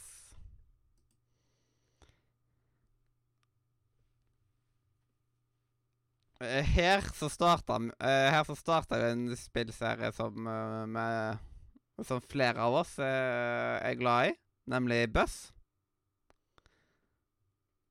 Og det kan jo ha vært liksom eh, Eller sånn Der også har man litt de greiene med at eh, der så starter man liksom den bølga, og det kan Jeg vil tro at det òg har hatt en effekt inn på andre typer spill òg.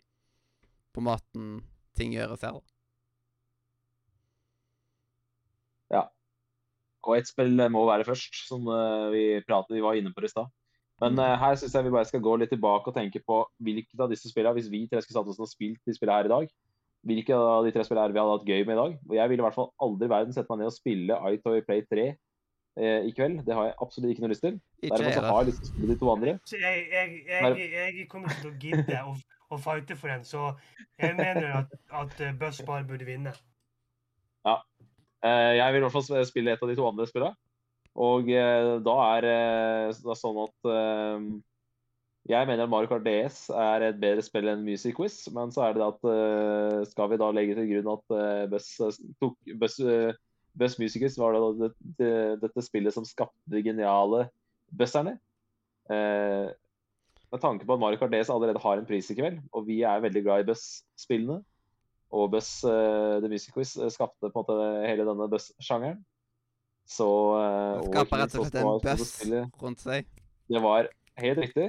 Og første spillet med disse ikoniske buzzerne, altså noe av det kuleste spillet eh, tillegget vi har fått uh, noensinne, så tror jeg nok at uh, jeg blir med på den uten de store diskusjoner. Så tror jeg jeg blir med på å gi den prisen til Music Quiz. Mm.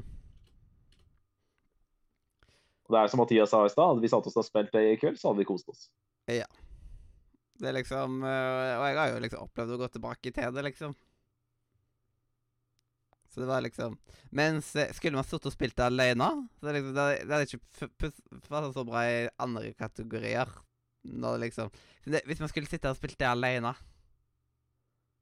Hvis det er i det hele tatt mulig Det må eh, De, de har vel en sånn computer som man kan spille mot der, men liksom Det kan umulig være gøy. Ja, de har det. Det går an å spille mot eh, andre. Eller går, går det an det går an å spille mot uh, en AI? Ja, det, det visste Det er jeg. jeg litt usikker er på, men uh, det burde jo jeg gå. Hva med liksom de eh, ensomme naboene som sitter uh, uten noen venner? Ja, men det, du kan, det samme kan du si om A Way Out og, Ja. og i, i Takes Two. Da. Jeg føler at det, ja. Det er jo laget til å spille mot, med, med en menneskestyrt spiller. Mm. Nei, Hvor mange priser er det nå? Er det to? Nå er det Hvor mange som er igjen? Det er, Vi har single player, og så Årets glemte, Årets hederspris, og så har vi jo topp fem. Ja, med andre. Så det er én- pris igjen pluss uh, altså før, før hovedprisen, altså det er én pris Ja. pluss de to individuelle. Mm. Ja, men det er nice, Da går vi på den gjeveste prisen, da.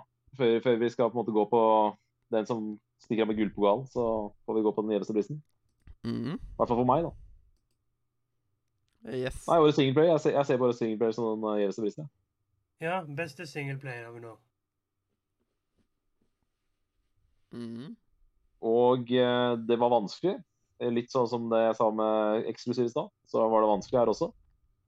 Eh, men jeg må eh, Når jeg tenker beste singleplayerspill, så tenker jeg på hva som har den beste campaignen. Og eh, den eh, beste campaignen for meg i eh, 2005, i god konkurranse med Gun, det er eh, God of War. Ja, jeg har eh, et spill jeg har spilt utallig mange timer, senest i fjor, og koste meg like mye med det. Så slag tre. Uh, God kampanje. Når det kommer til spill av de to jeg har lyst til å sette meg ned med i dag, så er det ikke det gamle God at jeg har lyst til å sette meg ned med og spille.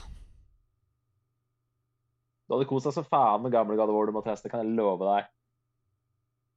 Jeg hadde det. Jeg hadde hatt jo det. Det er plattformspill. Plattformspill med action.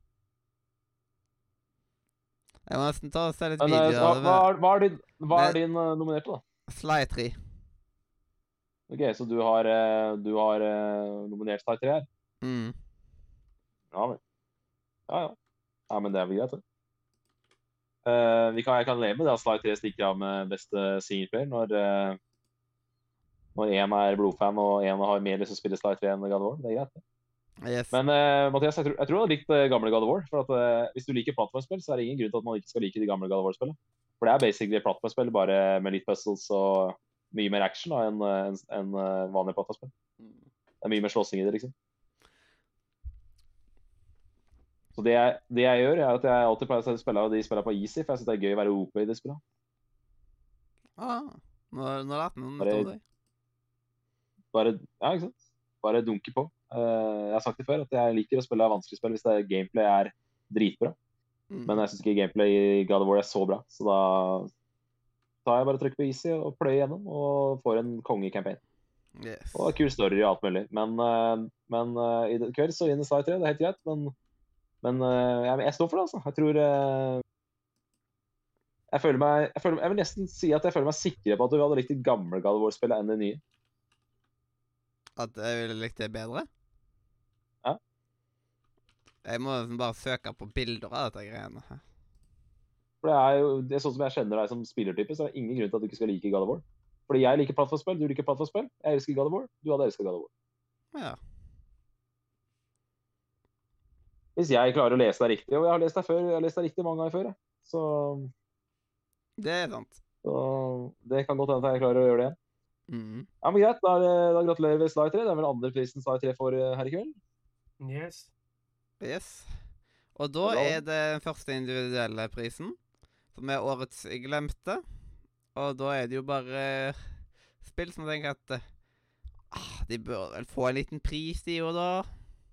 Ja. liksom eh, Vi har bare gått rett over de, eller liksom at eh, de kanskje alltid er tatt på målstreken og forskjellig sånt. Jeg Eh, tenker 2005 Ja, OK. Skal du ha Sorry. Nei, jeg, jeg mista trekken, så bare fortsett, du. OK. Nei, altså, jeg, det, jeg skulle til, det, det jeg på en måte avbrøt deg for å si, det var jo hvordan jeg har tenkt når jeg skal kåre årets glemte i 2005. Og det er at jeg tenker at det var håndholdtenes år. Det var de to mastodontene, Nintendo DS mot PlayStation Portable. Så jeg tenkte at liksom, jeg må ta et håndholdsspill. For det er de spillene som er mest glemt i 2005. Eh, og det er spørsmålet hvilket, skulle, hvilket som jeg føler er det mest glemte spillet. Hvis Mario Kart DS har stått uten pris nå, så tror jeg det hadde gått dit. Fordi eh, jeg syns virkelig at Mario Kart DS fortjener et, en pris. For jeg syns det er et av de viktigste spillene, i, både et av de beste Mario Kart-spillene og et av de viktigste spillene i 2005. Sagt det mange ganger allerede i denne sendinga. Men siden eh, DS-versjonen av Mario Kart har en pris, så velger jeg da å gå for eh, PSP-versjonen av GTA. Det å spille håndholdt GTA første gang i mitt liv, det var en eh, Eller det å se det, da. Se det på en håndholdt skjerm for første gang i mitt liv, det var en mind-blowing opplevelse høsten 2005. Så min årets glemte pris går til GTA Liberty City Stories til PSP. Yes. Slenger du bare den ut der, vet du. Og så min, eh, min eh, årets glemte går eh, rett og slett til et spill som bare liksom eh, har eh, falt litt mellom eh, alle steinene og sånt. Og jeg føler liksom at eh, Jeg har lyst til at det skal få en pris, men eh, ja. Så min går rett og slett da til Lille Kyllingspillet. Ja. Og så kommer jo Robin med sine spesielle barndomsspill som bare han spilte av Det er syke ting. Dere to på det, altså det her er Årets glemte med dere to, det er det meste wildcard jeg veit om. ass. Jeg vet aldri hva som kommer. ass. Det er så vilt. Her er et spill jeg aldri klarte å fullføre. Jeg tror det var brett tre eller fire som var så satans vanskelig. Men vi skal til en historie som tar oss, eller som har røtter tilbake i vikingtiden. En historielærer blir kidnappet, og da er det opp til Olsenband junior å finne historielæreren. Nei, nei, nei, nei. I vikingenes fotspor. Nei, nei, nei, nei, nei, nei. Det er ikke lov. Det er ikke lov. Det er ikke lov. Du kan ikke gi pris til Olsenband junior. Nei, nei, nei, nei, nei, nei, nei, nei, nei, nei, nei, nei, Jo, jo, jo, jo, jo. Det går ikke. Det går ikke an. Det går ikke an. Skjerp Hvorfor deg. Det er ikke lov. Det er ikke lov. Det er ikke Olsenband juniors første kuppspillet. Ah, ok, greit. Ok. Ja, men eh, nå skal jeg si to ting. Det ene er at jeg aldri hørte hørt om det spillet. Så det kan godt hende at det er dritbra. Jeg har aldri hørt om det. Uh, jeg, kan, jeg kan jo ikke uttale meg om det. når det ikke er, nei, Som du sier, det er ikke Olsenmann Juniors. Jeg, det, det er jo ikke første gruppespillet. Og det har jeg spilt, og det vet jeg hvor bra er. Men jeg vet ikke noe om det Vikingenes fotspor. Så kanskje er det dritbra. Kanskje. Men Det er jo det er som pek og klikk snikespill. For eksempel, du må få Benny til å kutte strømmen. Han må kutte strømmen, mens du som Egon sniker deg inn og henter eh, konen til safen, må klikk. liksom Snikerspill høres jo ikke veldig gøy Nei, men kan, du bruker alle tre, både Egon, Bein og Kjell, til å gjøre oppgaver slik at du kan løse den oppgaven i det brettet, sånn at du kan komme deg videre. Og Det er var bare med Robin man kan få sånne spill som dette her, og Jul på månetoppen-spill og sånne ting. Helt enig. Helt enig. Helt enig. Ja, men Molde kan jeg skjønne, for det, da er var han litt yngre, ikke sant. Og, eh, og liksom det kan jeg skjønne at traff en nostalgigreie der. Men dette spillet har jeg ikke hørt om engang. Så den er bare helt rett på senga her. Så- Men det er det som er så gøy med Årets glemte. Men ja, Ja. du fullfør. Fullfør det du skulle si. Nei, nei, Du så, så, jeg, Du skal finne tror var- koden. Ja, men sant, jeg tror det var brett fire eller noe sånt, som var så jævlig vanskelig. For da må du få Benny til å distrahere noen vakter med en radio, og den radioen den slutter å spille så jævlig fort. Og du går ikke akkurat dritfort i det spillet, så du blir sittende og råklikke på musa for å få han til å gå fortere enn det radioen spiller. Det det, det høres ut som for meg, er at det, det er en lisens du liker veldig godt, og gameplay er ganske bra. Eh, eh, og at på en måte du, du likte det godt fordi det var et lisens- lisensiert spill du kunne føle deg hjemme i. Men at de rett og slett glemte å lage et bredt fire. Altså å, å lage et bredt fire var mulig å komme seg videre i. Det glemte de. Så det virker som for meg som de er, det, bredt fire er, har rett og slett ødelagt hele spillet. Så du velger å gi din uh, pris her for et spill som eh, etter min mening høres ødelagt ut. Måten du beskriver det på, det er jo fascinerende. Nei, men jeg gir det for liksom at Både fordi at Hadde det ikke vært for det brettet der, så tror jeg det hadde vært et et helt sånn her OK, det spillet her er faktisk jævlig bra, men sånn De første tre banene var utrolig bra. Og det er jo underholdende å kunne spille et Olsenmann-spill som ikke var eh, første kupp-spillet. Men jeg, jeg tenker denne at eh, jeg, jeg, jeg, Jeg må bare bryte Men jeg skjønner jo at Ja, du det er greit. Vi bør ikke gå altfor dypt inn i dette her akkurat nå, pga. at eh, denne Nei, delen men skal det- gå litt fort samtidig. Vi må prate litt mer om det spillet, her, for dette var jo historisk. Men jeg tenker at eh, jeg tror brett 1, 2 og 3 Det virker som brett 1, 2 og 3 var jævlig bra, da, siden brett 4 var broken, og likevel så har du valgt å gi det en pris. Ja, for liksom, jeg vet ikke om det var meg som bare var liksom At jeg ikke skjønte hvordan jeg skulle bruke raden riktig. Men det er et spill jeg husker at jeg, spilte en gang. Jeg, jeg prøvde virkelig å komme meg gjennom brett fire. Ja, fantastisk. Men uh, det der er som du sier med, med det der med peke- og klikk-spill, at eh, man ikke går fort nok. Det, er sånn, det der har jeg spilt så mange ganger. Altså, Du blir irritert fordi karakteren ikke går fort nok, og så begynner en radioen å spille. og altså, det, det høres så Det høres ut som ting jeg har vært borti så mange ganger. Ja. Utrolig irriterende. Men det var, eh, det var vel Da var vi ferdige, var det ikke det? Alle tre har gitt, eh, gitt ut en glemte pris. Da er det vel Hedo-prisen? Yes. Dagens Fedopris. Så Hva um, eh, Noen som føler seg kalla til å være først ut? Ja, jeg kan ta den. Det var spørsmål, var det ikke det? Ja. Så da følger vi bare den rekkefølgen. Eh, vi må ha wildcarden til slutt. Starter med meg. Uh, nå har dette spillet her gått uh, på en måte Jeg har valgt det bort på veldig mange kategorier. Men nå må jeg rett og slett gå for uh, å gi min hederspris til det spillet jeg mener er det beste Om ikke det beste, så i hvert fall det spillet som sitter eh, mest igjen fra 2005. Og det første spillet jeg tenker på når jeg tenker spillet over 2005. Og eh, det mest unike og mest minneverdige spillet fra 2005. Og det er rett og slett Rune Fjell Olsen sitt favorittspill. 'Shadow of the Colossus'. Yes.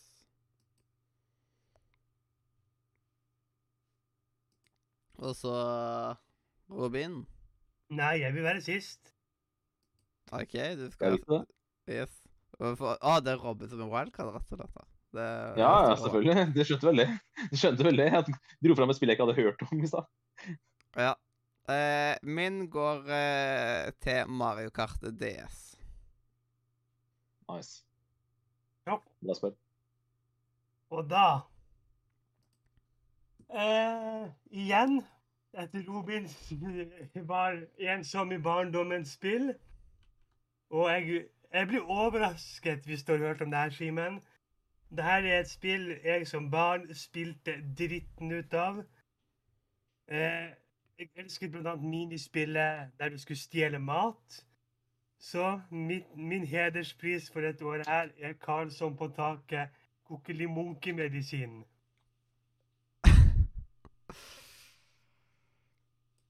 Ja, altså, jeg har jo hørt om Karlsson på taket, og jeg har sikkert sett det coveret en eller annen gang, men eh, det ringer ikke noen sånn veldig store bjeller. Det gjør det ikke.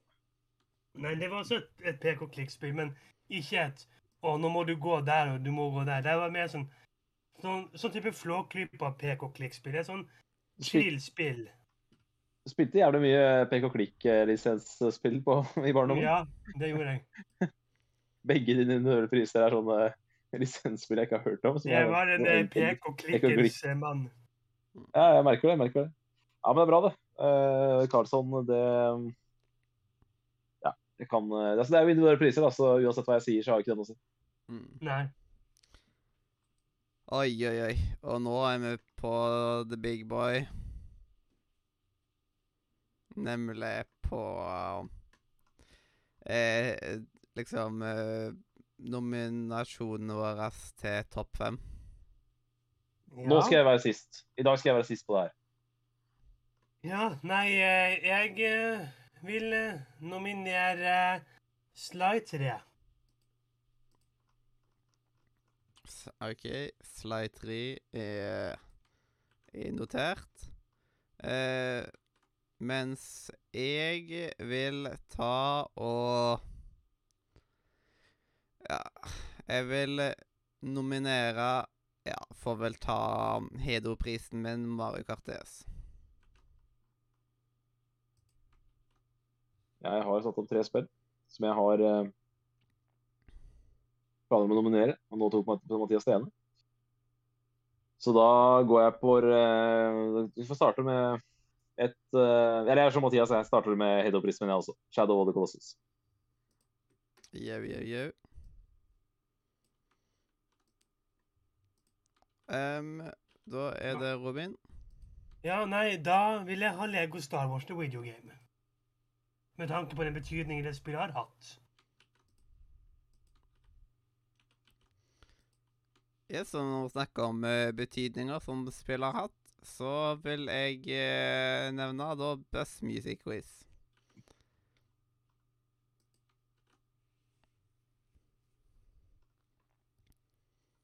Simen, Jeg legger inn et spill, ja, jeg legger inn spill i potten som har uh, vunnet hele to priser eh, tidligere i kveld. Gun. Det er uh, det spillet med den korte og enkle tittelen. Gun. Guns and Roses. Jævlig fett cover oppå det spillet. Gult uh, cover med Dennis i Mm -hmm. Robin. Ja, vi får ta Resident Evil 4. Oi, oi, oi. Du skjønner, du går dit. Jepp, kan eh, Du, du, du, du, du, du. Det er et bra spill i 2005. ass. Eh, Hvis du tenker mangfold, så er det vel i hvert fall det desidert beste nå. Eh, OK eh, du, du, du, du, du, du. Min uh, dominasjon Em, Jeg får vel ta favorittspillet til Robin. Harry Potter and the Goblet of Fire. ja, det er, det er liksom litt sånn Jeg syns eh, han fortjener for det at noen, kjemper, noen, noen av oss kjemper litt for Harry Potter 4, med tanke på at han har fått inn på lista hvert eneste år nå. Mm. Uh, jeg avslutter da med uh, det spillet jeg mener har den beste single player campaign i uh, 2005, nemlig God of War. Yes.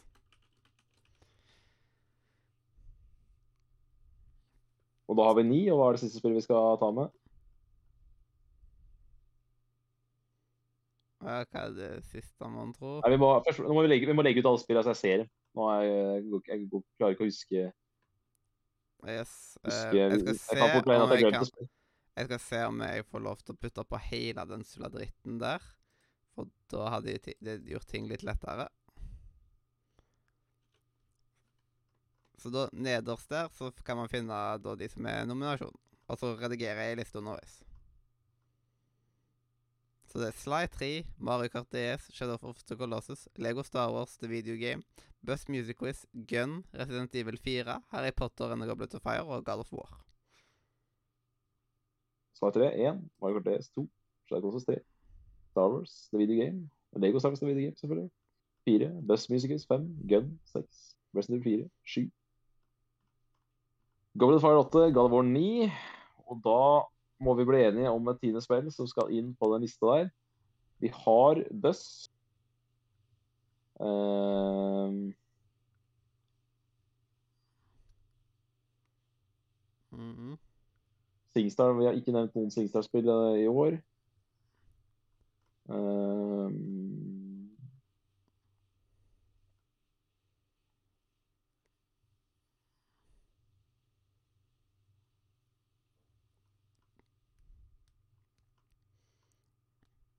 Hva med det der eh, Chaos Theory-spillet ditt?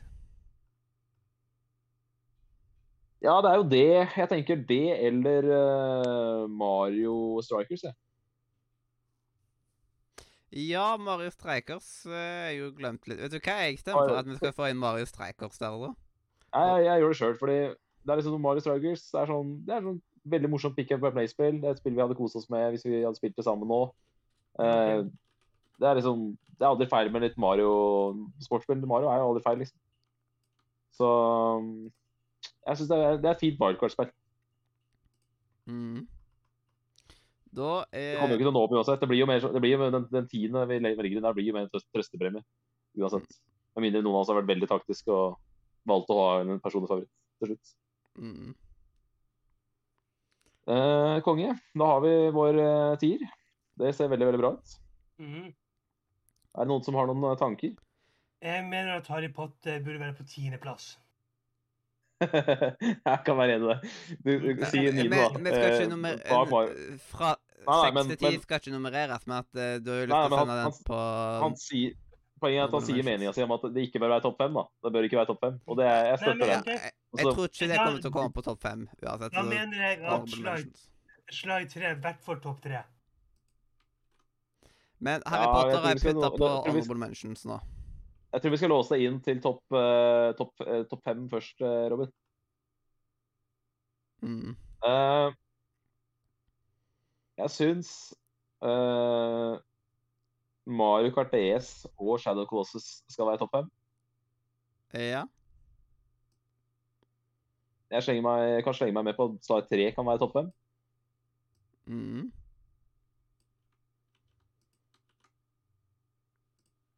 Så er spørsmålet Skal vi dytte at Dust inn topp fem fordi det er så viktig for spillmediet? Eller skal vi vente til det kommer Buzz-spill som vi er mer glad i enn Buzz Music? Jeg mener Lego Star Wars på topp 5. Mens det, er- både Lego Star Wars og Buss har begge noe av de samme grunnene, på en måte. Hvis du, hvis du får en Lego Star Wars topp fem, så skal jeg også ha en God of War topp fem. Fordi det er veldig passion for deg personlig, Lego Star Wars. Jeg føler at vi bør ta en Buss, liksom. Den er litt mer sånn Den kan på en måte alle Den er på en måte en ting som det. alle er liksom litt uh, på good-viben med. Og da Jeg er føler jeg at det er mer riktig. Jeg er litt enig i det, altså. Og, ehm, og hvis jeg skal velge mitt personlige hjertebarn nå, så har jeg på en måte allerede sagt at jeg ønsker å ha Shadow Colossus inn. Det er Ja. vanskelig å få plass til både Shadow Colossus og God of War. Mm. Ja, men da tar vi Buss, da. Mm. Ja, jeg er litt enig i det, altså. At uh, vi skal jo være sammen om å kåre en topp fem her. Og det, er, det føles riktig med Sly, Mario Kart og Buss. De tre der føler jeg liksom speiler oss tre veldig bra. Mm. Uh, og så har jeg sagt meninga mi. Jeg mener Shadow Colossus som et av uh, Etter min mening et av topp ti all time bør inn. Og da er vel ikke det femte spillet så viktig for meg. Og da vil jo Robin ha Lego Lego of Stars. Hva tenker du om den siste basen av Madias? Um, det er liksom Jeg tenker ikke Resident, Resident, ikke Resident Evil 4. Jeg føler ikke at vi er blodfans av det spillet. Ja, det, det kan vi egentlig putte rett på Og- mentions. Og Gun, Gun er et hjertebarn for meg. Dere har ikke spilt det. Og det, det må bli nummer tre av mine tre hjertebarn her. Så det kan du glemme. Du kan glemme Yes. Resident Evil 4, du kan glemme Goblet Fire, du kan glemme Mario Strikers. Ja, Og da er det vel egentlig bare Lego Star Wars og God of War det står i. Den, den uh... mm. Det er liksom Ja, der står det vel mellom uh... det, Da står vel den siste plassen mellom Lego Star Wars og God of War. mm. Da kan vel du velge det, da, Mathias, siden øh, det er et, et, et favorittspill for meg et, og et favorittspill for uh, Robin. Mm. Um, Da kan du bare du ta parti der, da. ah, det var ikke givet et vanskelig valg, men uh, ja um, I'm so far ikke. dette, dette blir litt ifra etterpåklokskap ifra sendinga.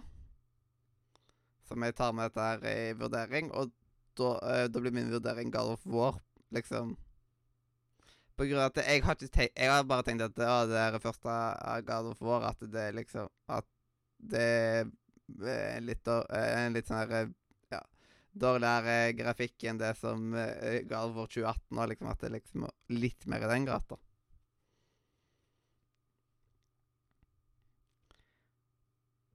Ja, så du er litt Du, er, du vil ha God of War inn? Ja. Da er spørsmålet, da er spørsmålet Robin. eh, Du eh, hyller jo Lego Star Wars eh, ekstremt her. Du sitter med to stykker som ikke forstår hva som er så bra med Lego Star Wars. Det må vi bare beklage. Eh, Er det så Nei, viktig for deg å ha Lego Star Wars inn?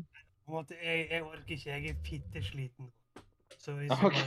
kan, Hvis du er fittesliten, så foreslår jeg at vi da foreslår jeg at vi gir oss med den topp femmen der.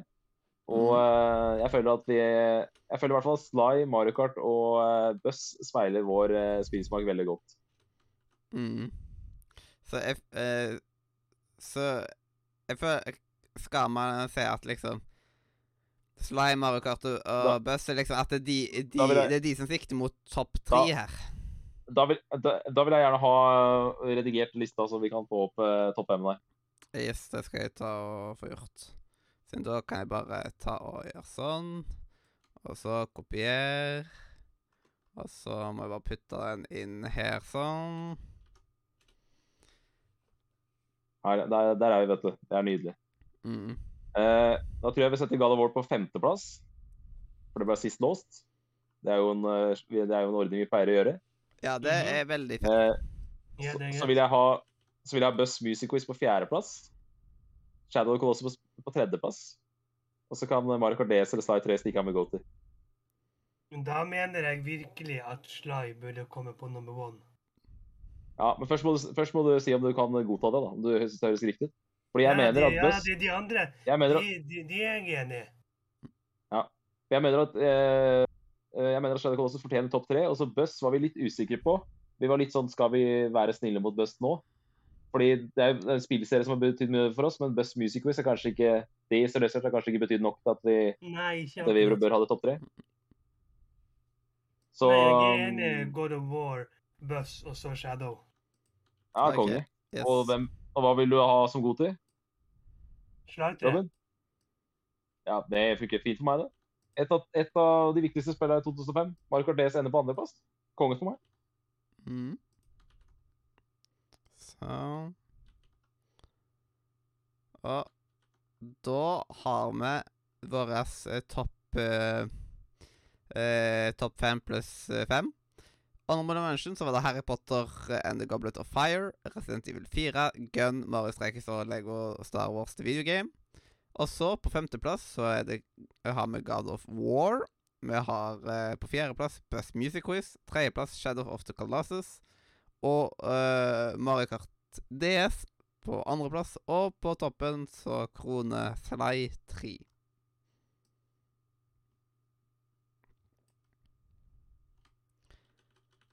Så da Da var vi pokker meg eh, i mål med de nominasjonene der. Yes. Det jeg vil si før vi går til avslutninga, det er at 2005 er det mest spennende spillåret vi har vært inne i til nå. Ikke minst, ikke bare fordi jeg blir eldre og husker, eh, faktisk husker spillet over 2005, men også fordi at det er så stort mangfold eh, av spill. Og dette her er den topp 10-lista jeg har vært desidert mest fornøyd med. Her føler jeg eh, det speiler vår spillsmak. Jeg føler det er knallgod spill uh, som er på lista. Det er ikke noe sånn drittspill, sånn type sånn uh, sånn type sånn uh, wildcarder fra Robin, som han bare lurer med der. Sånn type Månetoppen kommer ikke inn på topp 10-liste. Det liker jeg veldig godt. Og uh, veldig fin topp fem også. Ja. Uh, og da kan vi vel egentlig bare gå videre til Rym.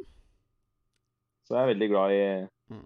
Veldig glad i denne ja, De ti spillene der er, det er, det er en nydelig liste. Det der. Nydelig liste. Så da gir vi bare ordet videre til Jon Edvard, som skal rymme oss inn. Ukens rym. Ukens rym, der, vet du, der var vi på plass med eh, ukens rym. Så i dag så er det jo ikke noe overraskelse over at vi da skal ta og rymme spillåret 2005. Em, og da eh, kan jo jeg ta å starte med å rømme spillåret 2005. Og det var jo mye viktige ting som starta her. Eh, men for meg så var spillåret 2004 høyere oppe av at jeg hadde så mange personlige der. Eh, hva var det for noe? Det var iallfall mye bare Ja. Jeg hadde mye mer personlig forhold til spillåret 2004 på grunn av spill som kom ut da. Så derfor når det ikke helt opp der. Eh, så jeg tar og setter meg på en sjuer. En sju av ti der, altså. Ja, jeg eh, er ikke helt sikker, jeg. Um,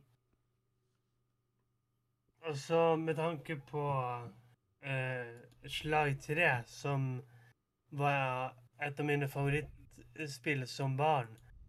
Og eh, med tanke på at det var jo året Buss startet og det, så eh, Ja, jeg kan gå med på en, en syv av ti. OK, og da er det bare Simen igjen. Ja. Det interessante med denne spillåret-serien er jo at eh, vi bruker så lang tid på å spille inn hver episode, eller lang tid mellom hver episode, at jeg har glemt litt hver gang eh, hva jeg ga til forrige spillår. Og det fikk jeg en eh, liten sånn ha-greie på forrige gang jeg skulle rymme, for da følte jeg gikk litt lavt. Og så sa Mathias at ja, det, du jo, gikk jo enda lavere forrige gang. Så, så det er liksom litt vanskelig å vite hvor man skal legge lista, for jeg ikke har mine foregående tall i hodet. Men det er ikke noe tvil om at 2005 var det morsomste spillåret vi har eh, tatt for oss til nå. Et eh, veldig artig spillår, eh, både for meg personlig, med Shadow Colossus, God of War, Harry Potter 4, Robin. uh, Star 3, ikke minst.